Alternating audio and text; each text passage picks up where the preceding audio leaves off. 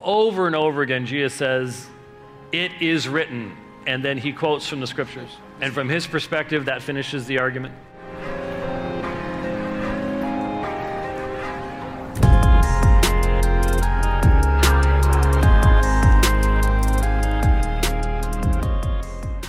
This is God speaking to you. Maar dit is God die tot jou spreekt.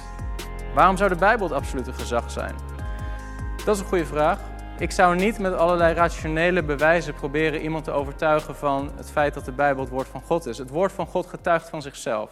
God heeft niemand die groter is dan hemzelf die er erbij kan halen om te zeggen: hey, kan je even uitleggen dat ik daadwerkelijk God ben? God zelf getuigt van zichzelf en zijn openbaring getuigt van zichzelf. Het is een van zichzelf getuigend God en het is een van zichzelf getuigende openbaring.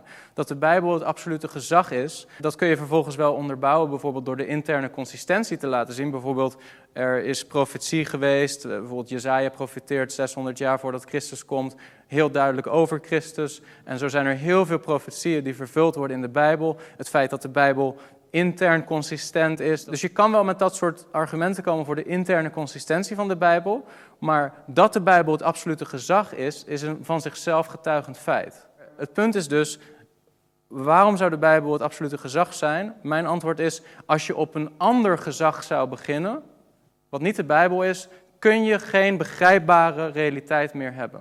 Dus tegen, met andere woorden, de tegenstrijdigheid van het tegendeel.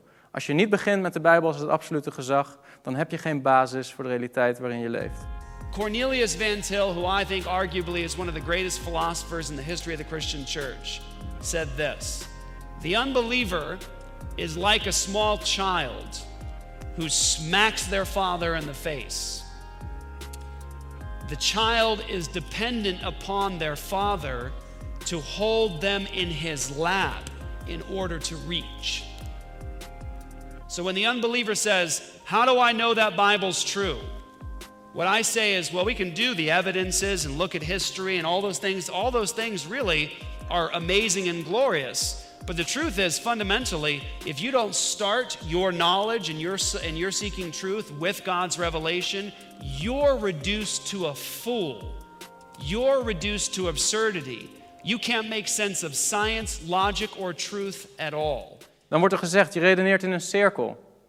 Die hoor je misschien ook wel eens. Dit is een cirkelredenering. Ik zou dat niet ontkennen. Ik zou zeggen dat klopt. We redeneren allemaal in een cirkel. De vraag is of dat jouw cirkel groot genoeg is om de realiteit te verklaren. En ik zou zeggen, jouw cirkel verklaart de realiteit niet. De vraagsteller begint vaak bij eh, het uitgangspunt dat rationeel denken betrouwbaar is. Dat kan die niet goed gronden vanuit zijn wereldbeeld. Als de hersenen alleen maar een soort geëvalueerde machine is, gericht op overleving, dan kan die niet verklaren dat hij zelf over um, dingen als absolute waarheid, over het waarom ben ik hier, uh, dat hij eigenlijk metafysische vragen stelt, terwijl zijn hersenen daar helemaal niet voor gemaakt zijn. Dus de, de vragensteller redeneert ook in een cirkel en dat is de aard van presupposities. Presupposities getuigen altijd van zichzelf. Het zijn de beginselen in je denken. Iedereen heeft zijn beginselen. En wat wij zeggen is, de christelijke God is de enige God waarbij je, als je met Hem begint en met Zijn woord begint, je nog een begrijpbare cirkel hebt die de hele realiteit kan omvatten. Terwijl als je op een ander, op een ander grondbeginsel start, dan ben je niet langer in staat om de realiteit zoals je die ziet te verklaren. Dus met andere woorden, ik zou zeggen, iedereen redeneert in cirkels. Jij redeneert ook in een cirkel. Ik zou uitleggen waarom die in een cirkel redeneert. En vervolgens zou ik uitleggen dat zijn cirkel alleen intern inconsistent is en die van de christelijke God in staat is om alles te verklaren. Heb je iets gehad aan deze video? Druk dan op like, dan uh, zal YouTube ervoor zorgen dat meer mensen deze video zien. En als je vaker dit soort video's wilt kijken, abonneer je dan op dit kanaal. En dan zul je ongeveer wekelijks een nieuwe video aantreffen, waardoor je kan groeien in je kennis over geloofsverdediging.